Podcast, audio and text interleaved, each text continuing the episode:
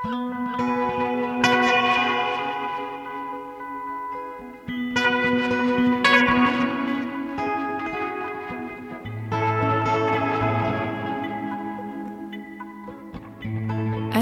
Morricone, Njála á hundavaði, Ljóskildran og Handrita arfurinn.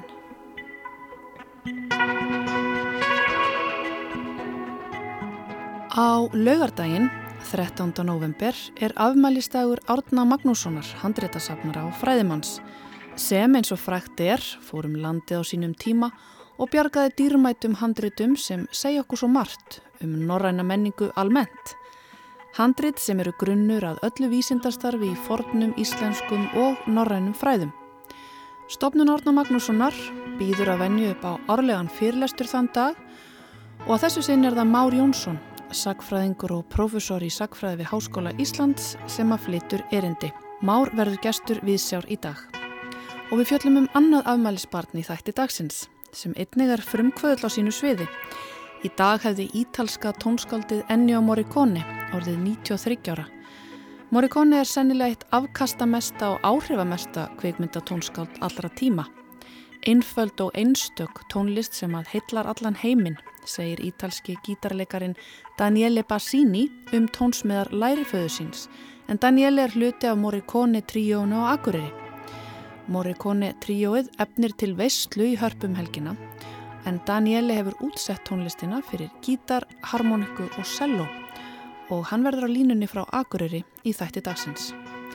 Greta Sigri Reynarstóttir fjallar um fyrstu skáldsögu Guðna Elíssonar, Ljóskildruna og Snæbjörn Brynjarsson segir frá síningunni Njálu og hundavaði sem hundur í óskilum hefur sett á svið í borgarleikursunu. Og við byrjum þar á Njálu. Hundur í óskilum nefndist hljómsveit. Í hljómsveit þessari voru tveir meðlemið, Hjörleifur Hjartarsson er spilað á gíu og Eirikur Stefensen er í einn ólíklugustu tól og létt vopnin syngja var þessi hljómsveit upprunnin í Svarfaðardal. Nú víkur sögunu í borgarleikúsið. Þar var kona einn er hétt Ágústa og var skúladóttir sem fengin var til að leikstýra þeim drengjum. Vildu þeir brennunjálsögu á svið setja og gaman henda að. Og nú verður sá gjörningur reyndur. Hundur í óskilum er tveggjamanaband sem hefur áður sett upp saga þjóðar, öldin okkar og kvennfólk en þessar síningar eiga það sammert að fjalla um Íslandsöguna á gaman saman hátt með tónlist. Að þessu sinni hefur hljómsveitin valið sér metnaðafyllt verkefni. Njála á hundavaði er gaman samur söngleikur sem stiklar á stóru í brennunjálssögum en það eru fáverk, eða jafnvel engin, sem varpa jafn stórum skugga í íslenskri bókmyndasögu og hún. Í það minsta var þessi Íslendingasaga sem líklegast var skrifið einhver tíman milli 1275 og 1295 samkvæmt fræðimanninum Einar Ólafi Sveinsinni valinn besta bókmentaverk Íslands sögunar í skoðanakönnun árið 2014. Tveimur árum síðar setti borgarleikúsið upp frekar viðamikla síningu sem einn af gaggrinendum Ríkisútvarpsins á þeim tíma lísti sem stórkostlegu afreki. Svo postmótiníska endursögn á njálum sem meðal annars innihjalt heilan dansflokk og karlakór sló rækilegi gegn en það má nú samt segja að það sé nokkuð tiliði hjá óskilamunnum þegar þeir lýsenni sem sirkus njálu. Njála á hundavaði gerir sögunni tölvert betri skil heldur en uppfæslan 2016 en annars er sennilega allur samanbörður á þessum gjörólíku síningum ósangjart. Frásagnamáti Eiríks og Hjörleifs er ekki tilraunakendur eða tilgerðarlegur. Þeir eru sögumenn sem endur segja á gaman saman hátt, henda grínað erketýpunum sem koma fyrir í verkinum og nota þekkt poplög með nýjum textum til að koma þessu öllu til skíla. Þar á meðal má nefna Hey Joe eftir Jimi Hendrix, Burning Down the House eftir Talking Heads og Krókurinn sem allir sálaraðdándur þekkja. Nýju lagatekstarnir eru yfirleitt nokkuð lipurlega samtir. Til dæmis er Gunnars Holmi taka tvö með mjög skemmtilegan vingil á æfi Gunnars og Kolskjags bróður hans og líka þjóðskaldið sem orti fyrra kvæðið þunnur eins og pappi í fljótslíðinni á vappi. Best af öllu er þó hljóðfæraleikurinn því það er spilað á sérhannaða skildi, aksir og atgera. Sviðsmynd og leikgerfi eru nokkuð sniðum, sérilagi hvernig hljóðfarin voru einmitt dulbúin sem vikingavopp og haugurinn fyrir miðjum, þar sem hægt voru að draga út skildi til að setjast á, var einnig nokkuð góð hugmynd hjá Þórunni Marju Jónsdóttur, leikmyndahönnuði síningarinnar. Listin yfir personur í njálu er ansi langur og fleiri þorgerar og höskuldar en þægilegt væri að rekja hér og nú.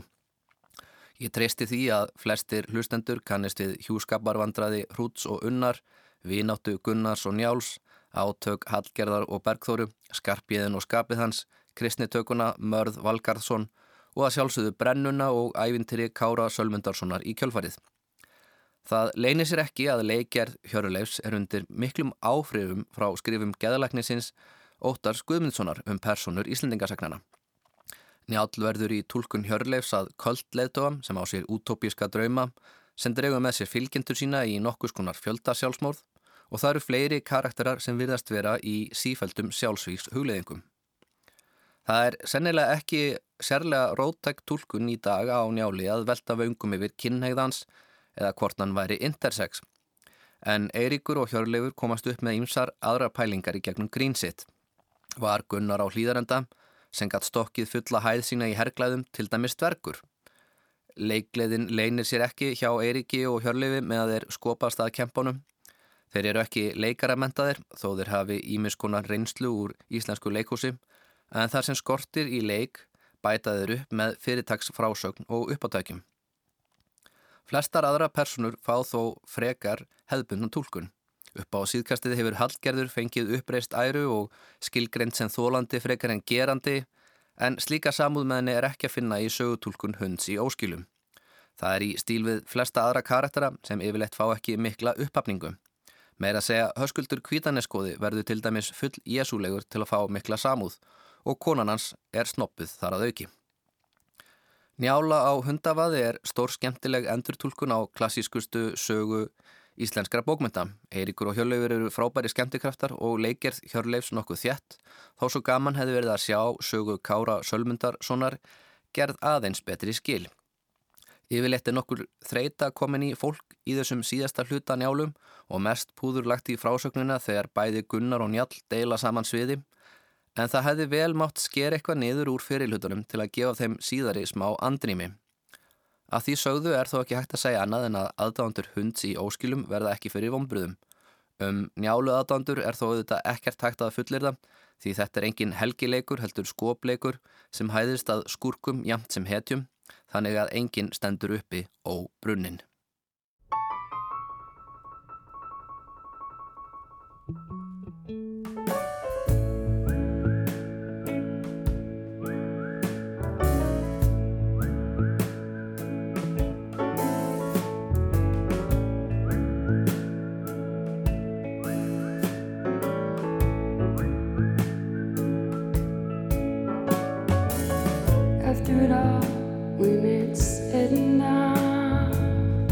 you come?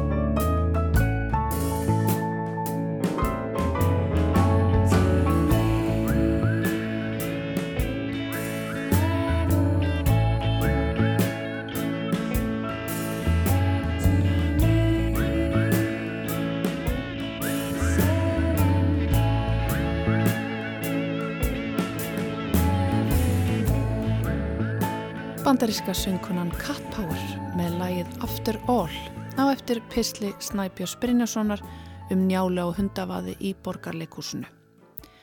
Og þá tekur við annar menningararfur. Laugadaginn 13. november næstkomandi er amalistægur Átna Magnússonar handréttasafnara.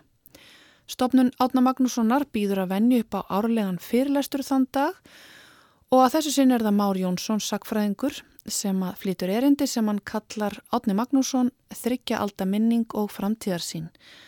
Guðni fór og tók má tali. Már, eh, hvernig hefur Átni Magnússon svona árið 2021 í hugum landsmanna? Nú veit ég ekki, ég hugsa hann sé nú, jú hann er nú þekktur, það var nú haldið upp á þarna í vor, eh, svona 50 ára afmæli fyrstu afhendingar á Flattiðarbók og eh, Konungsbók endur hvaðið og þá auðvitað var hann nefndur og það voru gerði svona mm, barnaþættir eða skemmtiþættir sem voru settir á netu svona þar sem hann var svona einhverju hlutverki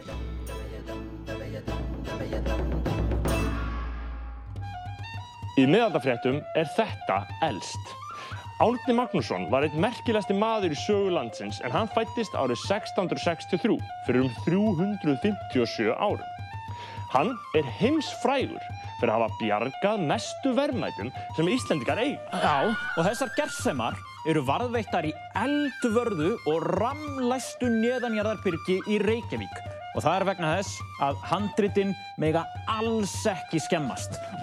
Þetta eru sagt skinnhandrit og Árni, þegar hann sapnaði, það voruði mörg orðin 3-400 ára gömul. Þannig að fólk var svolítið hægt að sjá hvað var merkildið. En Árni, hann sá þetta, hann var bara eins og hann væri spámaður.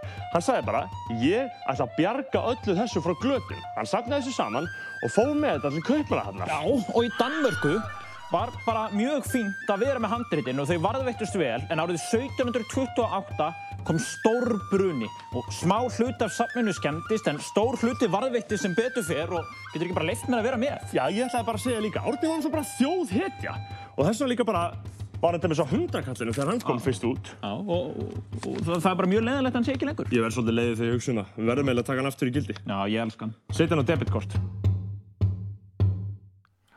Og vonandi hefur þetta nú vakið svona einhverja gleði og áhuga á, á þessum ágættu manni. Já sem er nú svona undirstaðan undir öllu saman. Já, Sko það er ímislegt að breytast í þessu. Hér, við erum í átnagarði tölum saman hér, hérna nýri kjallara eru handritinn, það sem er dýrmætast í, í þjóðaregninni að þeir margir vilja meina, þetta er að færast yfir suðugutuna fljótlega eftir einhver ár, það er svona verið að, að hérna, svona hillir undir það að séu tvö ári opnun á, á húsi íslenskunar og þanga fara okkar dýristunhós og verða kannski gerða hans aðgengilegri. Og þá erum við að tala um gripina. Þú ert að, þú ert að hugsa um ímislegt fleira. Þú ert að hugsa um annars konar aðgengi er það ekki að þessum málum? Já sko ég veit ekki hvort að aðgengi það, jú aðgengi auðvitað skánar eða aðgengi er náttúrulega kannski svona flókið hugtaka en, en þarna verður sett upp síning og það er nú auðvitað munur með hvernig aðstæðan hefur verið. Þetta var náttúrulega ágætti síningat í safnahúsinu þetta í nokkur ár og hérna í gamla dag þá voru þetta nokkri kassar að skoða þetta. Þannig að þetta, það þetta er, verður bylting í, í kannski frekar nota orði kynningu heldur en, heldur en aðgengi því að það er auðvitað fólk er, sér þetta og svona færi eitthvað alls konar samingi þannig að það er auðvitað bara mjög gott. Ég er nú meira sko, ef ég hugsa um aðgengi þá er náttúrulega fyrst og fremst sko kannski að hugsa um textana og, og, og auðvitað, myndir af, af þessum gripum þannig að það er þá aðgengi annars vegar fyrir fræðumenn sem er að, að, að svona grúska í bæði handritum og svo í átna og hans samtíma. Og hluta ég að, að því að reyna að skilja þessi handrit eru auðvitað að átta sig á því hvernig þau eru varðveitt og, og, og það allt saman. Og þar er hann auðvitað algjör líkil maður mm. Og svo auðvitað bara textaútgáfur af já, hans textum, ég er nú kannski fyrst og fremst að núna velta fyrir mér uh, því að um, útgáfur á hans uh, brefum og, og ritsmýðum er í raun uh, sko 100 til 140 ára gamalt. Það var það mjög gott áttak sem Kristján Kórlund sem var bókavörður í Kaupanahöfn gaf út eh, þrjú, þrjú bindi með brefum eh, sem átna og til, átna, frá átna og til átna og þetta eru þetta fínar útgáfur en þetta eru þetta hverki til og það má gera miklu betur, það vantar ímislitt í þetta. Og svona gera þetta einhvern veginn og gera betri útskýringar og gera þetta svona, búa þetta til, búa, búa þetta svona í búning, færa þetta í búning sem er það svona nútímalari mm -hmm og með tengja þá við myndir eins og hægt er og eitthvað svona gera alls konar, alltaf gera alls konar kunstir -hmm. og svo auðvitað 1930 þá, og þá er kannski svolítið það sem ég er að tengja mig við að núna að, að 1930 eh, þegar það voru 200 ár frá því hann dó, þá tók Finnur Jónsson professor í Kaupanöpsi til og gaf út það sem heitir Lefnið og skrifter tvö bindi, annars vegar æfisaga sem var bæðið á einsku, íslensku og, og dansku fínasta verk og síðan sem sagt valdi hann verk átna svona úr, úr ritsmíðum hans um handrit, um hitt og þetta og, og sömtir á latínu, sömtir á dönsku, sömtir á íslensku og svona þetta myndi ég sjá fyrir mér að væri mætti og væri verðt fyrir næsta amali mm -hmm. að gera einhvern veginn þannig að þetta sé svona meir og minna allt á, á, á einum stað mm. og þá tengt einhvern veginn sko eins og núna er gert að það það eru gefnar út bækur það er nöðsynlegt að gefa út bækur en, en það er líka að tengja þetta inn í svona einhverjar, einhverjar stafrænar uh, vittir semst, á, á þessu ágjöta neti sem fólk náttúrulega nota mikið sko. og þeir líka sem eru aðalega með hausin í aftur í öldum? Já, já, já, sko sérstaklega þetta sérstaklega er, þetta lík bilding eh, sko, þessar myndir sem handritasöfn til dæmis handrit.is sem átnástofn og landsbókarsöfn og Arna Magnanski samling eða institut í Kaupanöpp standa þetta eru alveg eh, bilding fyrir, fyrir, fyrir fræðumenn á þessu sviði að geta á auga bræði þetta er náttúrulega ekki allt aðna en það er svona kannski svolítið tilvíljani hvað er til en það getur ef maður er heppin þá getur maður auga bræði séð þrjú handritsnúmer og svo maður komið myndir af þessu eftir fimm mínútur sko, þannig að það í staðin fyrir að þurfa að fara til kaupmanafnar eða, eða svona þannig að það er það, það, það er algjör algjör, það er bara ekki, ekki að líka þessu sama við vinnu aðstæður hér áður sko Hvernig eru undir þetta? Ég, ég menna, ég heyra á þeirra að þú ert að hugsa um árið 2030, það er alveg nýja árið það sko uh, það er verið að bara mynda ríkistjórn þess að dana sem að verður bara í fjögur ár líklega við, við, við völd og svo sjáum við hvað gerist eftir það. Hvernig er að ná eirum valdamanna uh, í einhvers svona verkefni þegar kemur að því að byggja undir þennan arf til sko tíu ára? Er, er það ekki doldið snúið? Ég, það bara veit ég ekki neitt um. Það, kemur þér ekkert við? það kemur mér ekkert við. Það, það er verið að byggja hérna hús og þá setja 250 miljónur í síningu það sem ég er að tala um kostar kannski 10% en ég, veit, ég er ekkert farin að hugsa út í það en svo minn ég á að þetta er núkynum að réttu rúm 8 ár það eru 7. januar snemma morguns 7. januar 1730 þá, þá gaf hann upp öndina blessaður þannig að þetta eru, þetta eru rétt rúm 8 ár og, og ef, ef þú reiknar eh, sjálfur þá er þetta hvað 2013 það er ekkit eh, langt síðan þannig að þetta er ekkit þetta, og ég segi bara ekki, ekki, ekki ráðunum í tíma sem tekið og þetta er semst hlutu sem tekur, ná, tekur svona smá tíma að, að, gera og þannig að um, en, það er ekki, það er engin, það er engin ofur kostnar við þetta, þetta er bara að vinna Já. En áhugi áhugið segjum bara stjórnmálamanna og þá er ekki endilega að tala um þá sem að gegna endilega hlutverki ment og menningamannur á þeirra en, en bara svona fólks almennt þegar þið fræðimenn farið að tala við svona fólkið í því mengi um þennan arf. Er, hvernig er viðbröðin? Ég tala aldrei við svoleiðis fólk um þetta. Ég, ég tala við sjálfa mig og, og þá sem hafa áhuga á þessu sko, fræðilega eða þá almenning meina frekar. En eh, ég er ekkert í því að hugsa um peninga, þetta er bara verkefni sem ég svona vil skilgreina og, og, og, og þannig að það er ekkit, þetta er svona útgáð kostnáður eitthvað svona, það er það bara hluti sem þarf að, þarf að hugsa um sko en mm. ég, það, ég er ekki að tala um eitthvað sko, eitthvað sem kostar eitthvað rosalega mikið, það er ekkit þetta er ekkit, þetta er ekkit þannig sko þannig að þetta, er ekki, þetta er ekki alveg svona kannski inn í þeirri inn í, fer ekkit inn í þá pakkanit sko nei, nei.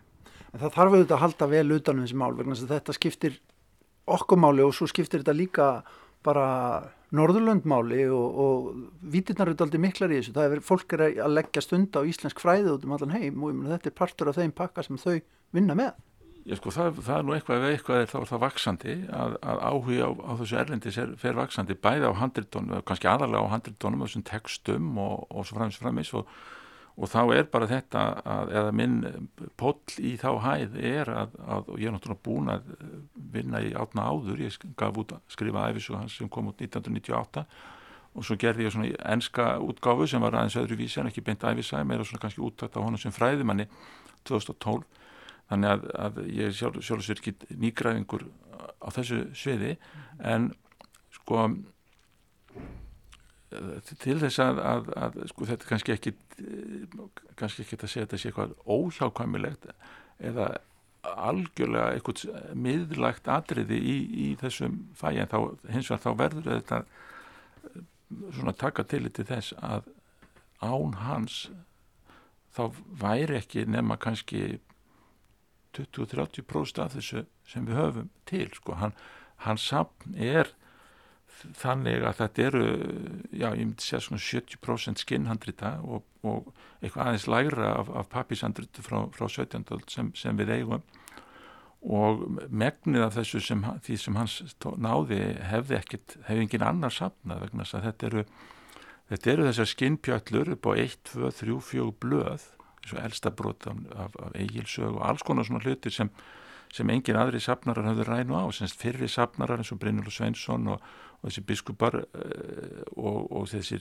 svíjar, Jón Eggertsson sem voru í þessu aðeins á undanátna og, og þeir ná, höfðu bara áhuga á heilegum bókum mm. en það sem hann eh, hafði umfram og fattaði bara mjög ungur rétt bara upp úr tvítu að að það var svo mikið af lausum blöðum til þessu utanum bækur þetta hefði, fólk hafi verið að rýfa þetta í sundur.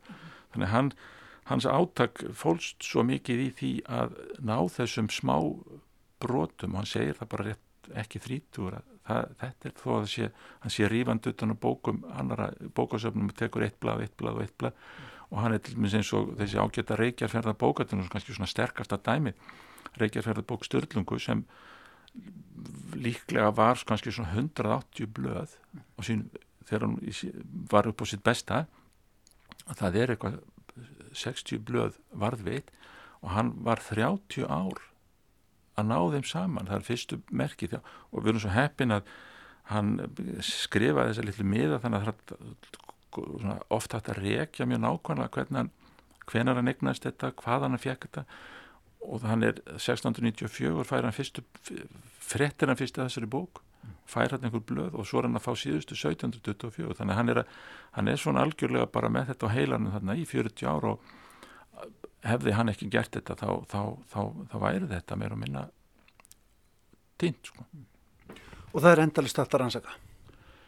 Ég myndi segja það að þetta eru hvað 3000 handrit kannski í hans sapni og skinnbækurnar á vel á 1000 og jújú jú, það, það er við vitum ekki nema brota því sem hægt er að vita og svo er líka eins og bara handritar rannsóknina sjálfar.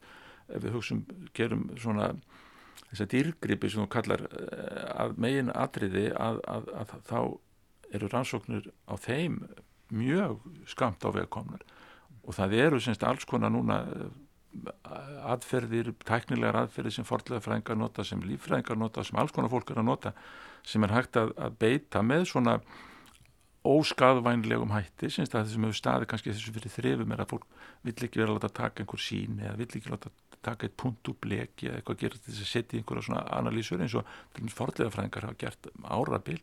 En núna er þetta allt einhvern veginn orðið miklu betra og auðveldar og einfaldar að þetta ná þessum eh, svona eins og DNA og alls konar svona og efna, efnum einhvern til efnagreiningar og svona. Þetta er orðið miklu háþróður og það, það, það mætti nota þetta talsvert sko til þess að átt að sjá þessu hvernig sem eru þetta, myndum við segja, einstakt í heimsögunni eins og sagt er að, að bæða þess, allar þessi textar en líka bara þessi, þessi handrita gerð sem kemur hinga hvað loka 11. byrjun 12. aldar og er strax orðin bara á pari sko við Noreg, við England þetta, það, það er einhver, einhvert fólk hérna sem nær þarna mjög góðum tökum á þessu, þetta er greinlega búið til hér og, og svona þetta er um þetta vitum við bara einlega ekki neitt, það var verið ágættis aðtöðanir til þess að bara minnskreitingum og lýsingum og svona hvernig ákveðin þetta er náttúrulega gert að miklu listfengi eins og flattegar bók og, og svona ímis handrið sérstaklega frá lokum fjór, svona setin út af 14. aldar er náttúrulega glæsilegi gripir og þetta er miklu fagmenn sem er á bakveita en svo er náttúrulega til eldri brot, eldri handrið sem þarf að sem sagt mætti aðtúa miklu betur til þess að reyna að átt að sjá þessu þessu handverki sem þá helst í hendur við og þetta er náttúrulega mikil í tísku núna svona efnismenning og allt það þannig að það eru alveg blómlegi tímar í, í, í, í vandum sko, menn eh, svona leggja sér eftir því og sem ég held að sé alveg stemning fyrir sko. Takk hella fyrir spjallið, Mór Þannig rætti Guðni við Má Jónsson, sakfræðing og æfisagnarreitara Átna Magnússonar en Már heldur ammælisfyrirlestur um Átna á laugardag sem hann kallar Átni Magnússon þryggja aldamenning og framtíðarsín. Fyrirlesturinn fyrir fram í Norrannahúsinu klukkan 5 á laugadag. En þá tekur Greta Sigriður einastótti við. Hún hefur að loki við að lesa ljóskildruna eftir Guðuna Elisson. Stór hluti ánæjunar af innanhúsbröndurum er ekki grínið sjálft, heldur upphafningin sem fólkin er í því að vera einna fáum sem skilja leini skilabóðin. Maðurinn er hjarðvera og er eðlislegt að gera sitt besta til að vera hluti af hópnum, en það bóðar útilókun ekkert annað en dauða. Aðgengi er líkil orð í félagslegum fræðum, hvort sem um er að ræða aðgengi að kjöttköllum, félagslegum hópum eða byggingum. Það kýtlar hérkomakinn mannsins að skilja það sem látið er eftir ósagt, sendir merki til heilans um að þú sett með í leiknum, umkringdur hópi og þar af leiðandi öryggi. Ljóskildran er fyrsta skáldsaga Guðuna Elíssonar.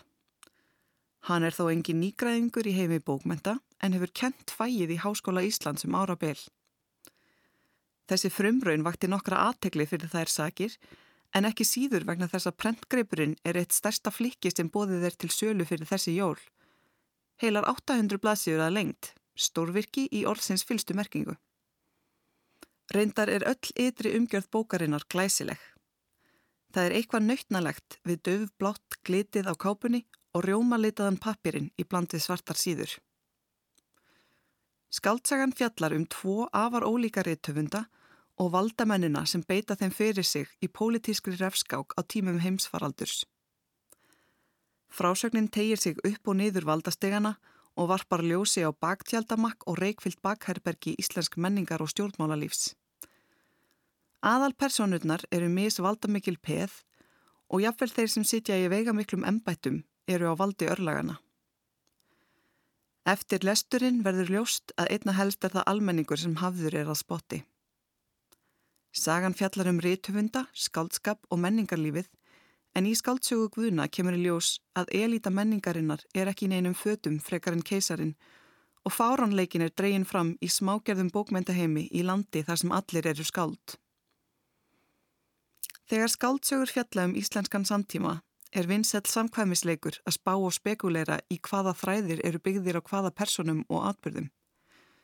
Á köplum er þetta eins og að lesa savarikt slúður. Ofan á vísanir í framámenn í samfélaginu er svo í bókinni að finna ógrinni af vísunum bæði í heimsbókmentinnar og bókmentarf Íslandinga. Fyrir þau sem þekkja til í íslensku menningarlífi er skemmtilegt að lesa tekstan sem nýtir óhyggjað í helstu personur og leikandur. Og þau sem eru vel lesin munu uglöst hafa gaman af tekstanum sem byggir á öllu því helsta sem vestran menning hefur fram að færa. Svona teksta er best að lesa hægt. Ég vil taka hlið öðru koru til að fletta nöfnum og orðum upp á netinu. Þegar lesið er á milli línana kemur ímislegt í ljós og Gvunni er óhrættur við að beina háðskri sín á allt sem fyrir honum verður. Sumir fá á baukin í beinum orðum, bókmæntafræðingum og menningarvitum ríkisútarpsins er hent fyrir lestina, á meðan önnur skot eru óbeitni. Personur sem eiga sér með skýrar fyrirmyndir eru til að mynda ekki alltaf síndar í blíðu ljósi. Frásagnarstýl bókarinnar fer út um víðan völl. Hér má finna ljóð í frjálsu formi og rappteksta en líka niður neldar sonnettur, brotur bókum skrifiðum á personum bókarinnar og ólíka rattir í mismunandi uppsettum köplum. Tilvitnanir í heimsbókmyndirnar eru fjölmarkar og má finna í upphafi hvers kabla. Sagan sækir í stíl rökkurbókmynda og glæpasagna en líka í fáránleikan og jafnvel draugasögur. Þó fjalla sér um samtíman koma ævintýra verur fyrir og yfirnáttúruleg öll eru líka á sveimi. Ekki er allt sem sínist í ljóskildrunni og á köplum þróast ástandið út í hreinræktaðar draugasögur. Þessir surrealísku hlutar sögunar setja ævintýralegan braga á hana en hún er þrátt fyrir allt kyrfilega með fæturna í raunveruleganum. Það er stór skemmtilegt að lesa tekstan og köplum nær hann virkilega góðu flugi. Bóka unnendur munu kætast við að sjá Pollyönnu, Önnu Karenínu og Giorgio Lenny skjóta upp kollinum. Bókasafnarinn og menningarvitin sem stelst til að lesa ástarsögur og vangaveltur um sálma og sonnettur vekja sömulegist þeirra fögnuð. Það gat þú tekið á taugarnar að lesa teksta sem er svo þjættriðin vísunum og vísbendingum. Það er gaman að lesa þrautir en 800 blaðsína krosskáta krefst ansi mikils af lesendum. Söguþráðurinn sem drýfur bókina áfram týni stundum í útúrtúrunum svo frammyndan myndi stundum meira á laustengda pistla um hitt og þetta. Hún er heldur drungaleg myndin sem dregin er upp á valdamönnum og forkólfum bókmentaheimsins. Þeir, og ég segi þeir því flestir sem drífa söguna áfram eru karlar, keppast um að kasta sandi í augu almennings en eru sjálfur forugir upp fyrir haus í sandkassalegnum, reknir áfram af óöryggi og annarlegum kvötum. Annars fór ég taugaðan á mér hvað konurnar í bókinni fá lítinn tíma í sviðsljósinu. Þær eru annarkvort innblástur eða óskiljanlegar. Ungur rítufundur sem notið hefur vinsaldi fyrir smásagnasafn er aldrei kölluð annað en stelpu fýblið eða stelpu anskotinn. Og það grín varð fljótt álíka þreytt og innræður skáldsins á barnum og drikkjurauðsum pungin á skáldum. Á öðrum stað eru eiginkona og dóttir í hlutverki baktjálta fyrir sálalíf mannsinn sem er í aðalhlutverki. Tótnin í þessu öllu saman er glettin og það er ekki eins og karlatinn fái hetjumeðferð en þeir fán óneitanlega mest allt plásið. Ljóskildran er eins og krosskáta fyrir bókmenta áhuga menn og alla þá sem fylgjast með frettum og íslensku samfélagi. Í ofanálag er struktúrin útugsaður fram í minnstu smáadreiði og starffræðilegir leikir með síðu fjölda og hlutfell storra atbyrða af söguþræði eru enn eitt páskaegið. Þessa bók er hægt að lesa aftur og aftur og finna ný smáadreiði og nýjar flettur við hvert lestur. Hún er samt líka smá óþólandi á köplum því hugmyndafræðilegar skilmingar við lesandan verða þreytandi til lengdar. Eitt kapli ber titilinn Karibdis, Skilla og Kaninurnar eða undanþáu pjessin Reglanum 72 og Faradeybúrið. Það er bara of mikið. Það er þetta með engagrínið. Í þessu tilviki er ekkert svo mikið enga, flestir hafa aðgengi að heimsbókmöntunum og umfjöllunum Íslands samfélag en að lesa ljóskildruna er á stundum eins og að taka yngöngupróf. Það getur verið skemmtilegt að spreita sig á slíku, en til lengdar verður þreytandi ef vera krafin um staðfestingu á aðtekli og þekkingu. Þegar lesturinnum var lokið var ég ekki vissi um hvort ég kerði mig enn um yngöngu. Bókin gengur sundur og saman í háðskum árásum á samtíman, er á köplum liftrandi vel skrifuð og stór skemmtilegt að vinda ofan af vísunum í bókmyndir og heimsbyggi. Háðið getur þó orðið þreytandi því lengur sem það dynur á manni og þegar orra hríðinni er lokið er ekki mikið sem stendur eftir. Bókin er vel smíðað meistara stykki en það er áskorun að njóta hennar.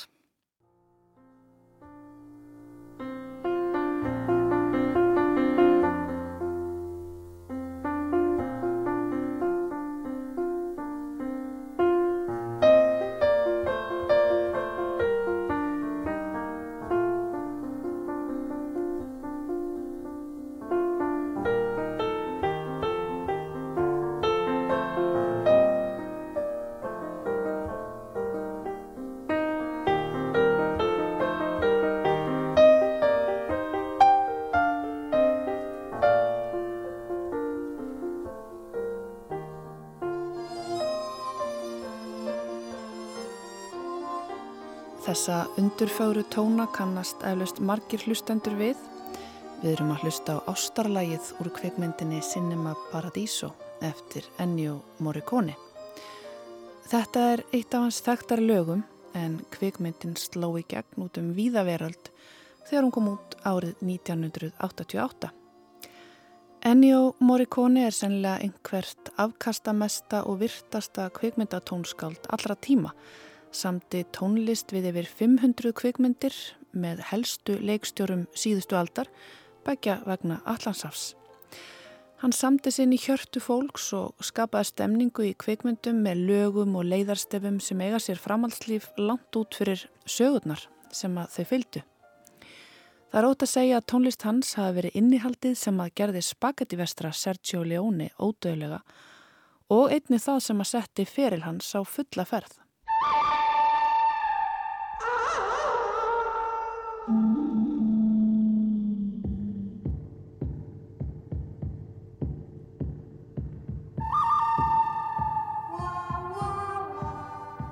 Það vill hann til að þetta ástsæla tónskáld Ennio Morricone sem samt ekki bara kvikmyndatónlist heldur fjölda annara verka á afmæli í dag og hefði fagnat 93 árum en hann lest fyrir tveimur árum síðan.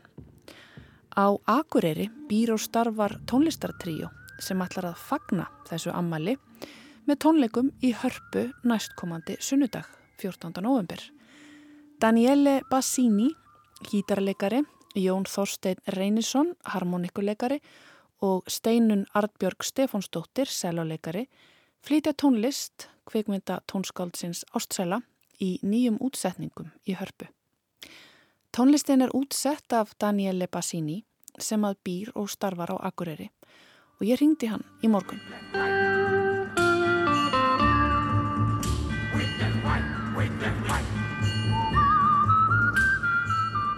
Já, halló.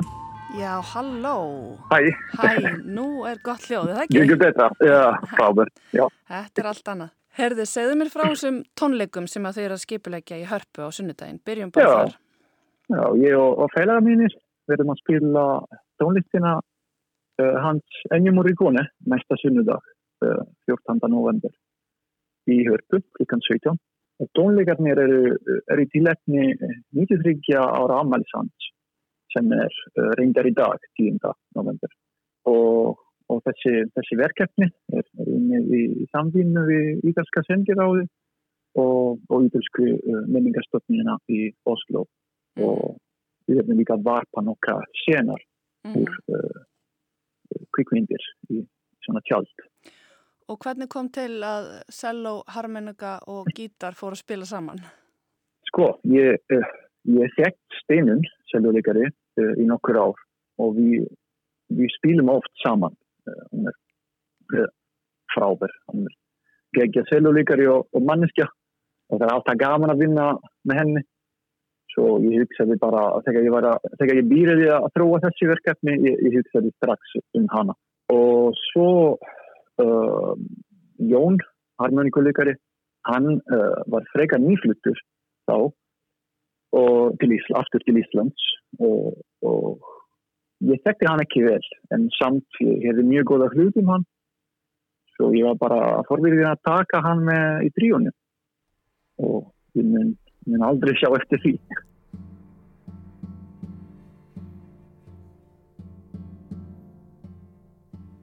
Sko, þessi verkefni býriði í fyrra og við vorum að halda tónleikana í, tónleikar í, í Hóf hér á Akureyri og á Síglufjörði í Sildaminjasafni og svo vorum við líka að taka upp uh, blötu í vor svo þetta er búin að vera, já, ekki, ekki heilt ár en þá, en næstum því.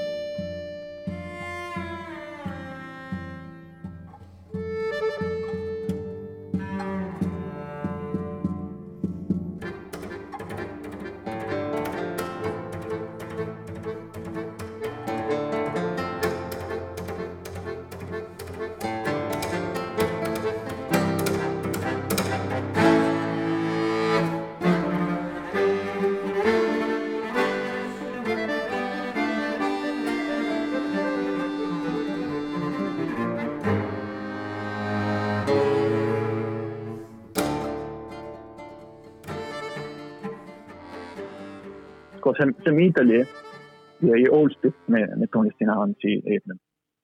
Uh, til dæmis pappininn, eins og, eins og margir, hans kynnslóðu var, var stór uh, aðdáandi Clint Eastwood og, og Spaghetti Western í almennt uh, eftir þessu löguna. Svo þegar ég var unglingur, uh, ég horti líka á nokkra kvittmyndir eins og Nuovo Cinema Paradiso eftir Giuseppe Tornatore og, og eftir það ég get ekki hlusta annað. Ég var bara alltaf að reyna að útsetja uh, tólistina fyrir gítar og, og, og já, svo, svo setna, setna þegar ég var í, í háskólanum á Ídalju að ég tæki fari að hitta hann Morricone tvistvar þegar hann held námskeið fyrir uh, tónsmíðanemundur og það var að magna hann var bara ótrúlega klárt maður auðmjúkur og veist, samt mjög charming, svona hittlandi maður. Og, og finnst mér bara nú sem, sem ég, ég er tónlistamæður og ég bý hér mér finnst næstum því eins og eins og skildi, eins og skilda að setja saman svona verkefni og já, ég, ég held ég, ég skulda honum og, og mér langar að halda bara minninguna hans á lofti Þið að vera að skilda þín sem klassískur gítarleikari og akureyri að kynna Íslandinga fyrir Morricone? Ég held það, ég held það. Eh, það er mistakosti sem gítali eh, og, og tónlistamadur. En hvað er klassískur gítarleikari frá Ítali að gera á akureyri? Já, góða spurning. Góða spurning. Ég, ég flutti til Íslands, ég held nú næstan fyrir, fyrir 8 árum.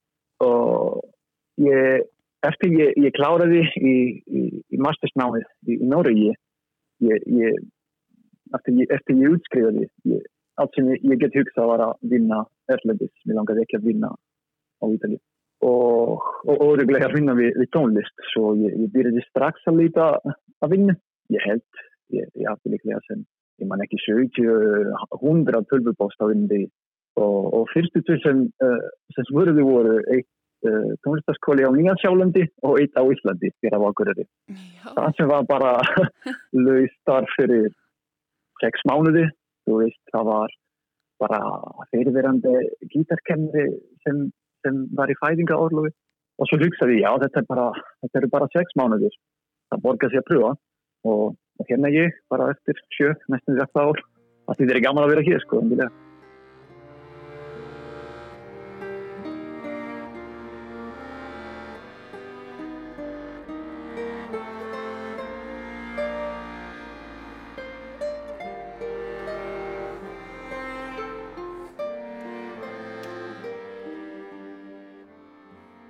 Já, það er greinlegt að þú dáist mikið að þínum læri föður, Ennio Morricone, en hvað er það svona sem að hillar þig við tónlistinans?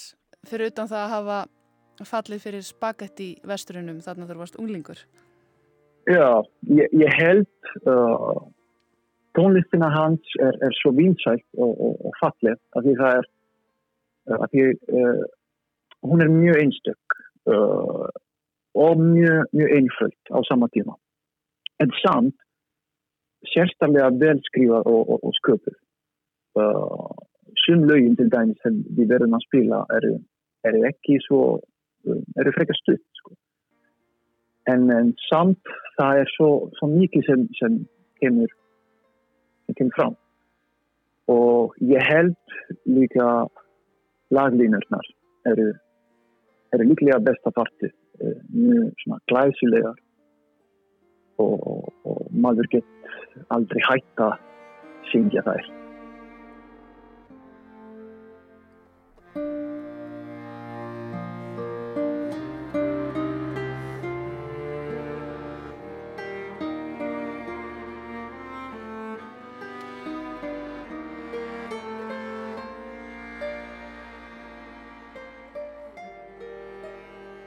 Gaman að útsetja verkinans? Já, það er, það er gaman og, og krefjandi á sama tíma. Það er ekki svo venilegt að hafa þessi þrjú hljóðfæri saman, gítarsölu og, og harmoníku.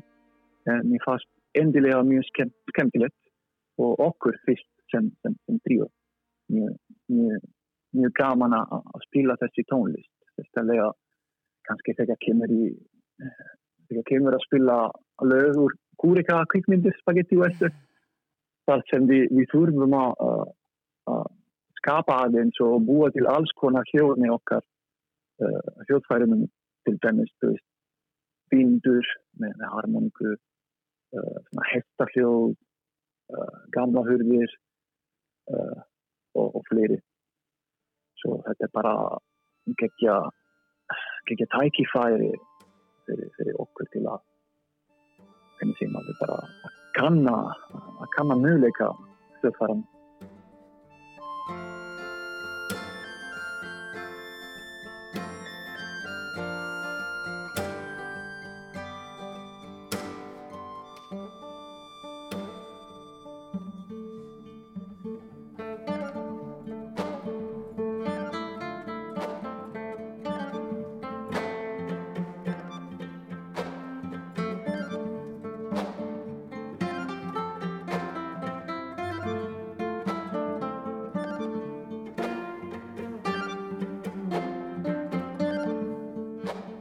Morricone, hann var auðvitað ótrúlega fjölbreyttur höfundur. Fyrir utan hvað var Já.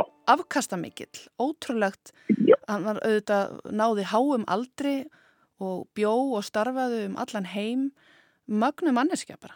Já, akkurat. Og hann var ótrúlega dúlegur uh, að senja tónlist hann, uh, hann skrifaði tónlist fyrir uh, meira en 500 kvikmyndir sem er ótrúlega hann, veist, hann uh, vann tvein Óskarsverðlaun, þrenn Grammy Awards, fenn Golden Globe. Hann hefur sami tónlist, uh, kvikmynda tónlist fyrir, fyrir Giuseppe Tornatore, Sergio Leone og, og, og fleiri eins og Quentin Tarantino, Brian De Palma, Oliver Stone. Uh, og, og ekki bara, hann var ekki uh, bara að semja kvikmynda tónlist. Hann var uh, mjög, mjög frægur og merkilegur í uh, nútíma uh, tónlistasena uh, hvað sem við, við, við köllum uh, absolutt musik, absolutt tónlist